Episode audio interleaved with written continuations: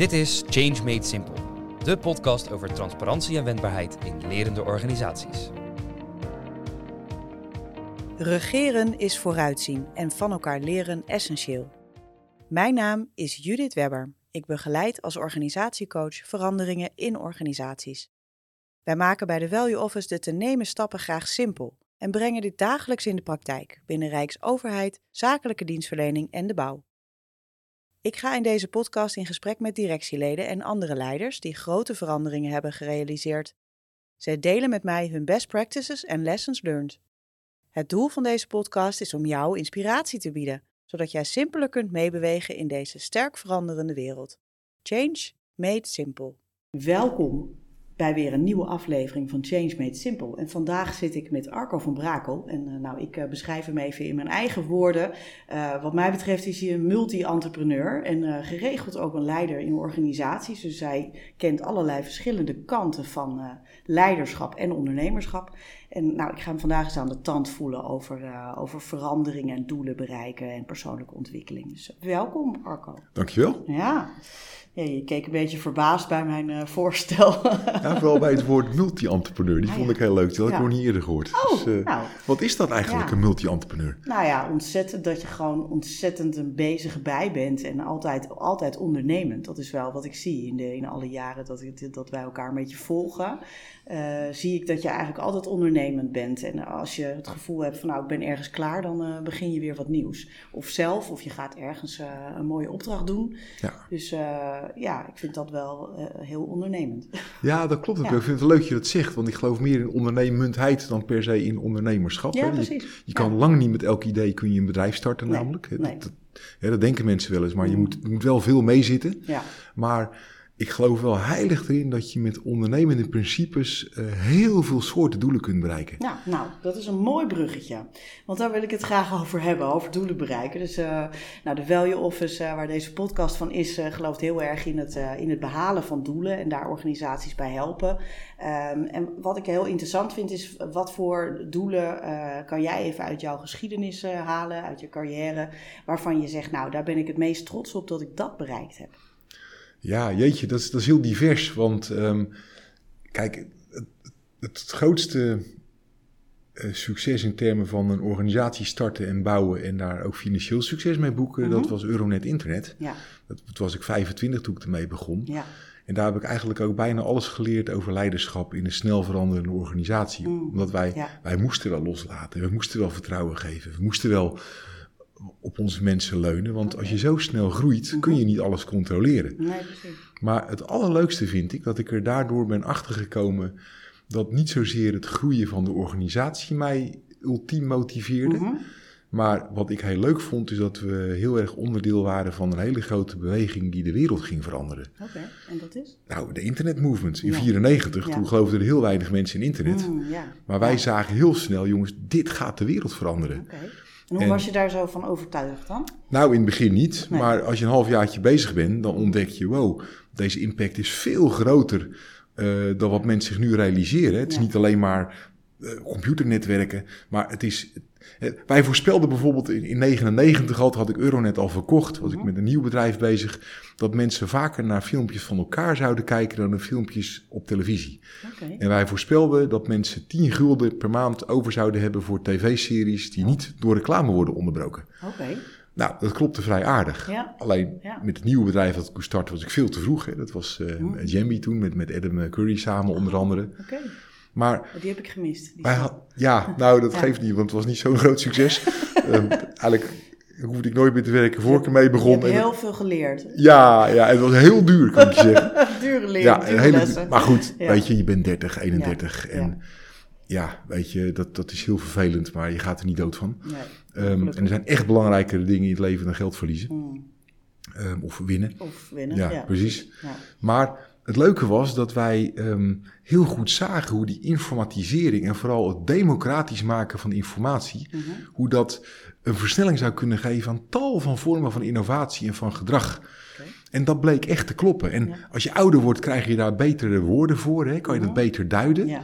Maar wat ik heel leuk vind bijvoorbeeld, is dat bijvoorbeeld nu in de hele duurzaamheidsslag, de energietransitie Ja. die we moeten maken, eigenlijk dezelfde principes gelden. Want als je dat wilt laten groeien, Mhm. dan ehm het zijn wicked problems die je moet oplossen. Mhm. En het lukt alleen maar als je dezelfde principes gebruikt als die voor het internet gelden. Dus zorgen dat je is? samenwerkt, kennis Ja. deelt, een versnelling erin aanbrengt door mensen ruimte te geven om met een idee aan de slag te gaan. En dat is echt wel het internet-DNA, wat je Ja. nu steeds meer terug ziet komen. Oké. Oh, dus dat zou jij definiëren als het internet-DNA? Ja, Ja. ja. Ja. En misschien is dat niet juist, is dat zo omdat ik in de internettijd als internetondernemer dat Ja. ontdekt heb. Maar ja, het was die tijd door internet dat boeken als The Speed of Trust werden geschreven. Ja. En ja, dat is nog steeds actueel, want door mensen vertrouwen en ruimte te geven, Mhm. kun je dus een versnelling aanbrengen in je organisatie. Ja. En als mensen bang zijn om fouten te maken, zich Mhm. onveilig voelen, Ja. het vertrouwen niet ervaren, Ja. dan zullen ze minder experimenteren, zullen Zeker. ook minder fouten maken, Ja. maar ook minder, Minder- innoveren. Ja, minder innoveren, ja, ja, zeker. en dan Ja. hou je de boel Ja. tegen. Ja. En dat kunnen we eigenlijk niet hebben nu. En wat zou je dan, eh, wat zou je dan als doel kenmerken? Wat, want je zei van nou, ik word niet blij van op zich het bedrijf laten groeien, maar wat, is, wat zou je dan wel als doel? Ik bedoel, wat is dan waar je naartoe Nou, wat, wat werkt? ik, ja, wat, wat ik nu, ik heb een hele andere rol nu in leven. Mhm. Ehm, ik ben eh, drie, vier dagen in de week ben ik directeur van de strategische boord van de Stedendriehoek. Eh, bij ons heet dat niet economische boord, maar strategische boord. Want wij meer dingen belangrijk vinden dan economie. Ehm, en ik werk dus met overheden, onderwijsinstellingen Hmm. en ondernemers samen Ja. om de samenleving een boost te geven. Nou, een duurzame samenleving bouwen, waarbij we dus eh, initiatieven stimuleren, innovaties omarmen die, die goed zijn voor de volgende generaties. Ja, Ja, ja. dat vind ik gave doelen. Mm, Hoe kun je ja. nou daadwerkelijk een duurzame samenleving bouwen? En hoe zorg je dat je dat doet tegen de achtergrond van de vergrijzing waar we met z'n allen in zitten? Mm, mm. Want dat, we hebben nog niet half in de gaten wat dat gaat betekenen. Eh, we zullen dus met minder mensen meer werk moeten doen, terwijl de uitdagingen groter zijn dan ooit tevoren. Mm, Dat vraagt om een radicaal andere manier van werken. En dan wordt eh, dus het wegsnijden van managementlagen, waardoor er relatief meer mensen zijn die het echte werk doen, Ja. dat wordt gewoon belangrijk. En Ah. nog belangrijker zelfs. Ah, en daar, eh, daar dus ook een linkje naar zelforganisatie. Juist, precies dat. Ja, Ja. Ja. Ja. maar dat is een totaal andere drive dan, eh, dan hoe menigeen, eh menige organisatie de, de slag naar zelforganisatie ja ziet. Het, het, het punt is dat vaak hele enthousiaste, idealistische mensen in een organisatie ermee beginnen. Mhm. En die zijn echt wel gecharmeerd van het gedachtegoed dat je Ja. vertrouwen moet geven aan Ja. mensen. Daar is niks Ja. mis mee. Nee, Alleen, het is geen doel op zich. nee. Een organisatie heeft zijn eigen organisatiedoelen. Mhm. En zelforganisatie is geen Is reden geen- om een bedrijf te starten. Nee, Nee. nee, precies. Dus je moet het inzetten om de andere dingen beter te kunnen bereiken. Ja. Ehm, wij bijvoorbeeld voor ABN AMRO... Wat zeg je? Het is dus eigenlijk meer een middel. Ja, Ja. met ons Semco-stijl instituut, dat ik met Ricardo Semler heb opgericht... hadden wij eh, zeven jaar geleden ABN AMRO als eerste hele grote klant in Oh, Nederland. Ja. Daar wij 3.500 mensen eh, helpen begeleiden richting zelforganisatie. Maar dat was geen doel op zich. Nee. Het was een middel Mhm. om gewoon echt de bank op te schutten, om weer klantvriendelijker te zijn, om weer eh, ehm, eh, ja, nieuwe businessmodellen te kunnen creëren. Ja. Want het bedrijf was vastgelopen in de regelgeving, in, die van buitenaf werd opgelegd en van binnenuit werd opgelegd. Dus om de net promoter score, dus de klanttevredenheid omhoog te krijgen, het ziekteverzuim omlaag te krijgen, was er iets nodig wat, wat, wat anders was, wat verfrissend was. ja, precies. En waren ze dan zelf al op het idee gekomen dat dit het middel was? Ja, Of, eh, Absoluut. Ja, want dat is natuurlijk niet per se zo. Hè? Dus het kan natuurlijk best zijn dat een organisatie een bepaald doel wil bereiken en dat ze nog niet weten eh, hoe dan. Ja, van oudsher lopen vaak eh, financiële instellingen gek genoeg redelijk voorop. Ja, nou ABN AMRO ken ik toevallig zelf ook als werkgever. Die loopt zeker voorop in, eh, Ja. in ontwikkelingen. Dus, eh, En het is heel moeilijk, juist in zo'n context, als je dus aan banden wordt gelegd door, je, door de overheid, door de AFM, door de Europese Centrale Bank. Hè, dan moet je eigenlijk met één arm op je rug, of misschien met twee armen op je rug ondernemen als bank. Hè. Ja. We hebben vaak kritiek op banken, maar Mhm. Ik wil hier even een lans breken voor de gemiddelde bank. Ja. Eh, dat is helemaal niet makkelijk. Nee. En dan is zelforganisatie wel een hele mooie, want ook bij financiële instellingen, maar het geldt ook voor onderwijsinstellingen, het Ja. geldt voor zorginstellingen, daar werken professionals, Ja. echte vakmensen, Mhm. die verstand van zaken hebben. En, Ja. en financieren is een vak, hè, moet je niet onderschatten, dat is helemaal Nee, niet makkelijk. nee, nee. Dus als je het aan de mensen overlaat, Ja. dan zullen ze waarschijnlijk hele goede ideeën hebben hoe dat beter kan. Ja, Ook bij een bank. ja precies. Ja. En ehm, als je dan kijkt naar wat, wat heb je daar dan eh, gedaan? Wat voor veranderingen heeft dat allemaal teweeggebracht? Uh, kun je daar iets over vertellen? Nou, het hele leuke was dat we binnen een half jaar al resultaten zagen. Want we hadden een aantal doelen niet in de hand, hè, maar een paar wel. Mhm. En een daarvan was de medewerkerstevredenheid. Mm, Die ging omhoog. Ja, De omzet ging omhoog. Hadden Oké. we niet verwacht. We Ah. waren eigenlijk bang dan dat er altijd eerst wat chaos ontstaat Ja. als je met zo'n nieuwe leiderschapsstijl start. Ja, dachten we, nou, dat kon wel eens even ten koste gaan van de omzet. Ja. Was niet zo. Die Oh. steeg onmiddellijk. En de net promoter score ging omhoog. Dus de klanttevredenheid ging omhoog. Ja, ja, ja. Binnen een half jaar. Nou, die, die, twee, die laatste twee hebben we waarschijnlijk wel iets met elkaar te maken. Ja, klopt. Ja, uiteraard. Ja, ja, ja. En de medewerkerstevredenheid natuurlijk ook. Ik bedoel, uiteindelijk, eh, hoe tevredener medewerkers, hoe tevredener klanten. Dat is wel mijn overtuiging in ieder geval. Nee, dat Dus, is, eh, het is, het, dat is bijna altijd het geval inderdaad. Klopt. Ja, ja. Ja. Ik merk het natuurlijk zelf ook. Ik ben zelf consument, dus je hebt wel eens een klantenservice aan de lijn. Nou, dat is soms echt eh, abominabel. En, eh, ja, en, een, en een andere keer denk ik weer, nou, dit, was dit was een goed gesprek. ik denk zo, daar hebben ze duidelijk in geïnvesteerd. En eh, uiteindelijk moeten mensen dat natuurlijk gewoon, eh, moeten ze zelf zo in elkaar zitten. Dat is niet iets wat je ze kan leren. Ik bedoel, je moet dat toch wel een beetje in je, in je bloed hebben zitten. hè? Absoluut. Ja. Ja, ja. Nou, interessant. En eh, wat, wat heeft dat allemaal van jou gevraagd? Want als je dan dus veranderingen begeleidt, in wat voor rol dan ook maar, dan, dan vraagt dat, weet ik uit ervaring, ook wel wat van jezelf. Ja, nou, gek genoeg. ehm, ja, ik zit voortdurend in een groeipad. Mhm, ja. Eigenlijk heb ik het meest geleerd over mijn eh, persoonlijke leiderschap toen ik CEO van de Baak werd. ja, De Baak is, zoals je weet, een leiderschapsinstituut. zeker. Maar toen ik daar begon, was het financieel zat het behoorlijk knel. Ja, En ehm, het was een organisatie die ook wat vast was gelopen. Ondanks dat er fantastische, waardegedreven, bevlogen, betrokken mensen werken. Het zijn Ja. echt leuke mensen bij de Baak. ja, Die, ja, ik heb die al alleen een maar- samengewerkt. ja, jij past daar ook bij. Het zijn mensen die alleen maar daar werken om jou verder te helpen in je leven. Dat durf ik rustig zo te stellen. Maar het was behoorlijk politiek. Hmm. Ehm, het was veel hiërarchischer dan je zou verwachten. Door de bestuurslaag, door de link met VNO-NCW. mm, En als jij als ondernemer leider wordt van een behoorlijk, eh, hoe zeg je dat? Ja, een antroposofische organisatie waarbij iedereen verstand heeft van leiderschap, Mhm. Ja. meer dan jij. ja. Nou, ja dat, dat, lijkt me wel uitdagend. dat, ja. ik heb me zelden zo Ja. onzeker gevoeld in mijn leven. Maar daar leer je dus van, want dan, dan de enige manier om dat te doen was mijn ego parkeren, Mhm. luisteren, Ja. Tegengeluid omarmen. En ik had een hele, in mijn eerste twee jaar had ik een hele inspirerende bestuursvoorzitter, Oké. of raad van toezichtvoorzitter moet ik zeggen, dat was Inge Brakman, een hele inspirerende vrouw. En zij zei tegen mij, Arco, jij gaat weerstand ontmoeten. Mhm, Eh, mensen zullen misschien zelfs boos zijn mhm. tegen jou, Ja, op jou. Ja. Maar onthoud één ding: het is niet tegen jou, maar het Mhm. is tegen de situatie. ja. En dat is een soort mantra voor mij geworden, waardoor ik eigenlijk eh, verregaand in staat ben geweest het eigenlijk nooit persoonlijk te nemen. ja, precies. Daar Ja. moet je wel je ego voor parkeren. Ja, want mensen zeker. waren boos, waren bezorgd, Ja, dus waren angstig. Ja, ja. Maar ik ben altijd, ik heb altijd mijn best gedaan, laat ik zo zeggen, om naar de inhoud te blijven luisteren. Ik denk dat het meestal gelukt is. Ik heb zelfs keiharde aanvaringen met een van de, de toptrainers van de baken gehad. En die vond marketing en verkoop het gif van de samenleving, terwijl ik daar heilig in geloof. Hmm, Nou, dan heb je echt wel even een hele harde aanvaring. Ja, En toen, maar ik ben doorgaan vragen en ik heb een keiharde discussie met hem gehad, waarbij we met kwaaie koppen tegen elkaar stonden, oké. op waarde. Ja, Maar uiteindelijk, aan het einde van het gesprek, snapte ik waar hij zich zorgen over maakte.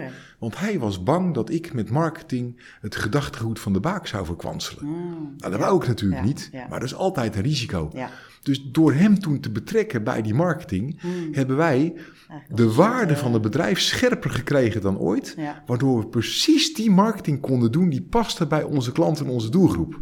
Waardoor we met een minimum budget een maximum resultaat konden halen. En zo zie je dat. Tegengeluid omarmen, luisteren naar de weerstand, Mhm. doorvragen, je ego parkeren, dat je daarmee effectiever en Ja. efficiënter kunt worden in je bedrijfsvoering. Ja, mooi, mooi. Ja, dus, ja dat, en- en- ik ben wel eens de, de term dissonant tegengekomen. Ik, ik speel piano, dus eh, er was iemand die dus ook dat soort eh, eh, metaforen erbij gebruikte. Dus de, de dissonant in, is heel interessant. En die valt op ook, hè? dus die, die hoor je, omdat die afwijkt. Ja, ja. En uh, hoe interessant het inderdaad is om daarnaar te luisteren. Maar je moet er inderdaad wel naar kunnen luisteren. Dus kun je daar nog iets over vertellen? Van hoe, hoe parkeer je je ego? Hè? Ik, bedoel, Nou- ik, ik snap wat je bedoelt, maar kijk eens of je het eh, simpel uit kan leggen. Ehm, ja, ik vind het wel een mooie vraag, want het is helemaal niet zo makkelijk om je ego te parkeren. Nee, je ik moet ook, zie dat heel veel mensen daar heel veel moeite Ja. mee hebben. je moet hem ook niet helemaal wegzetten, want Nee, ook, ook nee. moeder Teresa had een ego. Ja, hij heeft ook wel weer ergens nut. Ja. natuurlijk. ja. Ehm, maar belangrijk is dat je. Kijk, ik heb bijvoorbeeld in het werk wat ik nu doe, Mhm. eh, had ik van tevoren echt wel een visie op hoe ik dacht dat we het moesten doen. Oké. Alleen, ik heb ook te maken met heel lastig. veel bestuurders, met burgemeesters, met gedeputeerden, met de Ja. commissaris van de Koning, met andere partijen die Ja. ook allemaal een visie en een mening Ja, hebben. precies. Ja. En ik zag dat daar vaak wel botste. Mhm. En toen dacht ik, volgens mij de enige visie die hier werkt, is dat ik gewoon moet zorgen dat ik ga luisteren naar Mhm. alle stakeholders. ja, precies. Dus ik heb niet mijn visie op de inhoud van wat we gingen doen Mhm. eh, neergelegd, maar ik heb heel erg gefocust op de manier waarop we het zijn gaan doen. En we zijn letterlijk naar alle stakeholders uit de regio gaan luisteren. Ja. En de regio eh, waar ik werk is, is een bedachte regio, want wij zijn geen natuurlijke regio zoals Twente, Achterhoek of Veluwe. Wij hebben een stukje Veluwe, wij hebben een stukje Achterhoek, wij hebben een stukje eh eh, Overijssel, Salland. Oh. Eh, en zit, het verschil tussen Laren bijvoorbeeld en, en Heerde, twee, twee plaatsen in, in, in mijn regio, is groter dan het verschil tussen Amsterdam en Rotterdam, Oh, cultureel. Oké, Ehm, interessant. en probeer die maar eens bij elkaar te brengen. Dat Ja. lukt je alleen maar door, en dan ook nog ondernemers en overheden te laten Ja, samenwerken. precies, ja. Water en vuur, Ja, eh, bijna. je bent wel weer op een leuke plek terechtgekomen. Nee, fantastisch jongen, het is heel goed gelukt. Ja, want super interessant. Ja, maar dat is hartstikke leuk. Door dus gewoon je best te doen om te luisteren naar wat iedereen echt wil, Ja, konden wij een visie ontwikkelen waar het grootste gedeelte van de mensen achter stond. ja precies. Ja. Dat is natuurlijk altijd de Ja. vraag. eh, krijg je dan eh, alles bij elkaar? En nu hebben we dus een investeringsagenda gemaakt waar iedereen zijn handen eh, of iedereen zijn schouders onder durft Ja. te zetten. Ja, Eh, en ehm, ja, we hebben gewoon draagvlak voor het eerst in jaren ja, om aan de gang te gaan. Nou, de versnelling die dat geeft, ja. is fantastisch. Maar Dus je hebt eigenlijk wel een, een langere aanlooptijd eh, ja, nodig om, ja. om dat allemaal te verzamelen. ja, Ja, Maar ik heb mezelf een aantal keren horen zeggen, jongens, eh, wat ik vind is even niet belangrijk. Mhm. Het gaat erom wat wij met z'n allen vinden. Dat is het beste besluit. ja, ja. ja, ja. En ik had van tevoren misschien wel grotere ambities op het gebied van duurzaamheid dan nu. Mm, ja. Maar ik weet zeker dat we nu meer stappen gaan maken om er te komen. Ja. Ja, nou het draagvlak is natuurlijk essentieel. Want Ja. Als dat er niet is, dan, dan kom je gewoon helemaal niet vooruit in, in wat voor organisatie dan ook maar. Dus ja. ja, ik denk dat dat echt wel onderschat wordt. Ja. Dat, eh, dat, dat het heel vaak toch eh, een idee is van we gaan leuke plannen bedenken en die gaan we dan doen. En eh, ja, Ja. nou we denken wel een beetje te weten, want we hebben een onderzoekje hier, een onderzoekje daar. Maar dat is toch te weinig. Nou, Dus eh, mensen echt, echt betrekken en echt horen is, eh, ja, kost tijd. Hè? Dus, dat, Klopt. dus die moet je er dus voor over hebben. Dus je moet ook wel echt de visie hebben van we, het is essentieel om dat te doen, want anders ga je die tijd niet investeren. dat is één kant van het verhaal. Dus het is echt hard werken Ja. om draagvlak te creëren. Ja. Heel veel tijd besteden Ja, aan het netwerk, aan de mensen. Maar er zit nog één component bij. En die heb ik dus bij de Baak geleerd. Die heb ik met Jambi toen, met Adam samen, hebben we het echt fout gedaan. Toen hebben namelijk mensen die kritisch waren afgeserveerd als mensen die dwarsligger ja, waren. ja, ja, dat gebeurt echt vaak. Ja, Hè?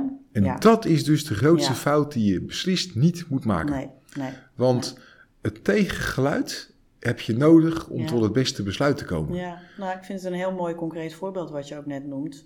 Eh, want juist door iemand die dus zo kritisch is en, en, en zegt: Ja, maar ik ben echt bang dat we, dat we dan inderdaad marketing, eh, eigenlijk te veel reclame gaan maken, eigenlijk. Hè? Wat gewoon losstaat van de organisatie, helemaal geen, geen verband meer houdt met wat we aan het doen zijn, met onze idealen. Eh, dat, dat was dan het bezwaar. En als je, als je dat weet om te turnen naar iemand die daar die dan dus mee gaat denken daarin en, en, en kritisch gaat kijken naar hoe kunnen we dat, hoe kunnen we dan wel onszelf laten zien. Want dat is eigenlijk, hè, bedoel, dat is toch marketing. Dus laten zien wat je, wat je allemaal in huis hebt. En juist die idealen wel eh, zichtbaar maken. Als ze er zijn. Ja, ja. Ja. als ze er zijn, maak ze zichtbaar. Precies, precies. Ja. En, en Dus ja, ik vind wat- het een heel mooi concreet voorbeeld. Ja. Hoe je juist iemand kunt inzetten die, die dus zo kritisch is. je wordt er Eh, beter door. Ja, precies. Ja. Maar wat belangrijk is, is dat je je realiseert dat iemand, en zeker in mijn geval, ik ben dan, eh, weet je, voor je directeur, nou, Mhm. alleen al doordat dat op je kaartje staat, Mhm. kijken mensen tegen je op. Hè? Ja. Dat moet je altijd realiseren. Ja, ja. Ik vind het zelf totaal irrelevant, zo'n titel. Maar dat vinden andere mensen niet. Ja, nee, nee. Dus, dus als iemand dan eh, kritisch zich uitlaat, heeft hij waarschijnlijk al moed verzameld Mhm. Om dat te doen. Ja, ja, Dus zeggen dat zo iemand geen teamplayer is. Is een cruciale fout. Ja, Want iemand heeft zijn moed verzameld Ja. om vanuit pure betrokkenheid Ja, en goede bedoelingen een zorg te uiten die jij echt moet horen. ja. En als je dat afserveert, Mhm, ja. dan maak je de organisatie pas onveilig. Ja. Nou ja, want dan zeg je eigenlijk tegen iedereen dat, is, dat ze dus hun mond moeten houden. hè? Exact. Dus, en dan hoor je eh, nooit meer wat er speelt. Nee. En dan zul je Zo- altijd, Zo, snel is het gebeurd ook, hè? zul je niet de beste besluiten nemen. Nee. Laat ik dat voorzichtig stellen. Nee, dat is zo, ja. Ja. ja. wat, wat, ik zelf nog wel eens lastig vind, is de, is de, de toon eh, die, die soms Ja. eh, gebezigd wordt. Dus ik ben wel gevoelig voor de toon. Het is, eh, d- dat zou dan voor mij nog wel een ego-parkeerdingetje zijn, om die toon ook maar even zo van, nee, dit is betrokkenheid en dit is, weet je wel, en dit gaat alle, is alleszins over mij. Dat al helemaal niet, maar, maar ook, ehm, ja, de, de- de- vaak zit er heel veel opgekropte Ja. verontwaardiging Ja. en frustratie en... ja, dat komt er natuurlijk wel eens, wel eens niet zo lekker uit. Dat klopt. Ehm, en daar moet je, dat, dat is misschien wel wat ik bij de baken geleerd heb. Er kwam heel veel van dat soort frustratie, boosheid, emotie bij. Ja, En als ik heel moe ben, kan ik het moeilijker handelen dan Ja. wanneer ik heel fit ben. ja precies. Ja. Dus dit is een van de redenen dat ik altijd voor de vitaliteit van, van mijn vitaliteit zorg. Want Ja. dan ben ik verdraagzamer. ja, precies. Ah, dat is echt een hele mooie. Hele belangrijke. Ja, ja. Maar dan ook als ik moe ben, Ja, eh, weet ik dat ik mijn best moet doen om niet in de emotie te reageren. ja. ja. Dus je kunt besluiten als iemand boos is tegen jou, Mhm. om niet boos terug te reageren. om de angel eruit te trekken. Lukt mij niet altijd, Nee, nee. maar meestal wel. Nee, dat is natuurlijk wel, eh, ja, dat gebeurt natuurlijk heel makkelijk hè, tussen mensen, of ze nou aan het werk zijn of niet. Hè. Ik bedoel, dat gebeurt in privérelaties natuurlijk ook. Hè. De, de een begint te schreeuwen en voordat je het weet ben je het ook aan het doen. Ja, Dus dus de, de kunst is natuurlijk daar dan niet op die manier zo op te Ja. reageren. Maar ja, als je je aangevallen voelt, ga je je verdedigen. Zo, zo werkt het eh, Ja. natuurlijk vaak. Dus eh, ja, nou dat is wel een hele mooie Ja. ontwikkeling Ja, dit, natuurlijk. dit is rationeel gedrag. Je maakt dus een emotie, haal je heel rationeel, haal je eruit. Ja. Je trekt de angel eruit. En, en als het dan echt toch nog uit de hand loopt, weet je wel, wees dan de wijste. En zeg, joh, weet je wel, we stoppen even, ja, even een kop koffie. ja, Eh, als we afgekoeld zijn, gaan we verder praten. ja. Voor mij part een dag later. Ja. Ja, nou, dat is, eh, dat is heel mooi. Ja, ja, het gaat dan echt wel over int- eh, emotionele intelligentie. Eh, Ja. Dus ik geloof dat daar inderdaad een hoop te winnen valt in, in, in leiderschap. En ik heb er zelf ook een, een aardige reis in, in, in gemaakt. En onderweg natuurlijk. Ain't we all. Ja. Maar dat is wel, ja, Ja, ik ik, denk dat ook, dat wel onderschat wordt eerlijk gezegd in leiderschap. Juist dit stuk van hoe reageer je op, op situaties. Hè? En Ja. hoe kun je je ego parkeren. En dus ik, hele interessante eh, onderwerpen.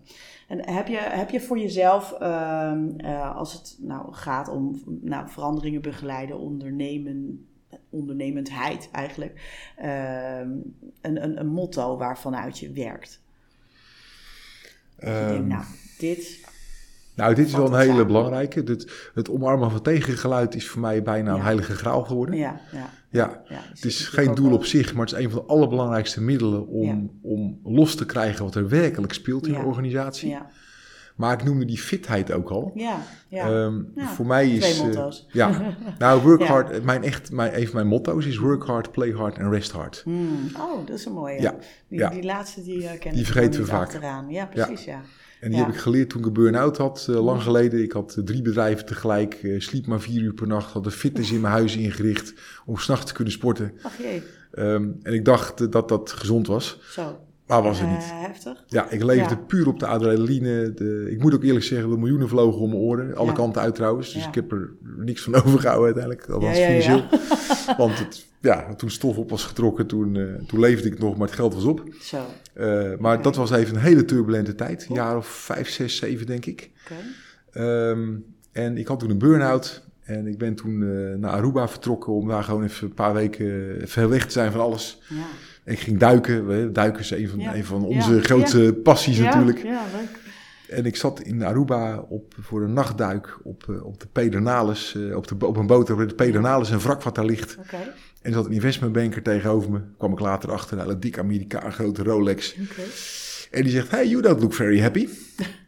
en eh, ik vond het That's gemeen. an understatement. Ja, maar dat is Ja. raar hè. In de Ja. Caribische Zee, je gaat iets doen wat je superleuk vindt. Ja. En een Ja. willekeurige man die jou niet kent, Ja. zegt, goh, je ziet er niet zo gelukkig uit. Ja, dan moet het wel erg zijn eigenlijk. Nou, eigenlijk wel. Ja. Ja. dat is natuurlijk belachelijk als je Ja. erover nadenkt. Mhm. Maar dat, dat, zo, zo kan je Ja. soms in je eigen sop te zitten gaan koken, Ja, zeg maar. Ja, ja. Eh, ik vond het ook geen eens gek die dat zei. Dus Ja. ah, wel burn-out, bla bla. Ik begon heel verhalen op te hangen. Ja. Oh, zei hij.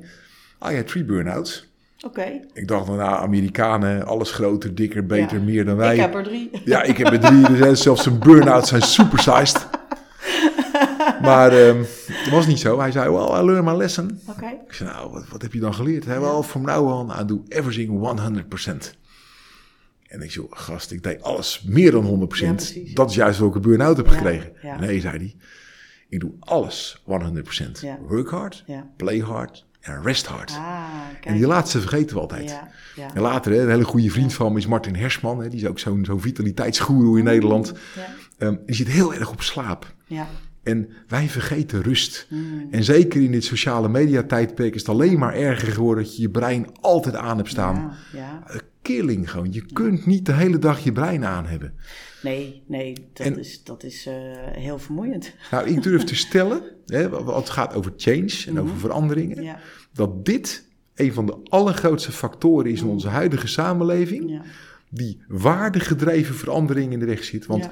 doordat wij altijd maar die media, die communicatie, al die dingen aan hebben staan, staat ons brein de hele dag aan en kun je niet meer daadwerkelijk de toekomst creëren. Ja.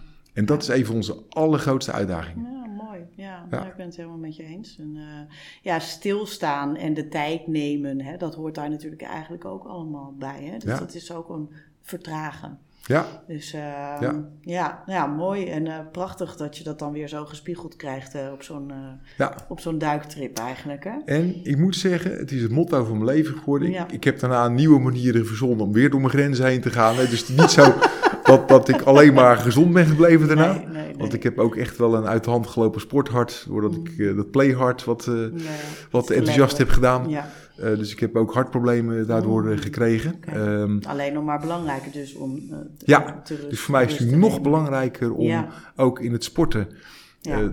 ik ging altijd gewoon vol gas naar. Dat, 150 procent. ja, maar dat is heel ongezond. Ja, ja. Dus ik, ik moet nu mijn best doen om rustiger te sporten. En, eh, maar ik zal niet zo gauw meer een burn-out krijgen. Nee. Dat weet ik heel zeker. Nee. Ehm, en ik ben ook eh, prettiger als mens en als leider... Hmm. door de combinatie van het bewegen en het rusten... heel nadrukkelijk in de agenda in te bakken. Snap ik. Ja, Ja. ja. mooi. En, en een goed voorbeeld.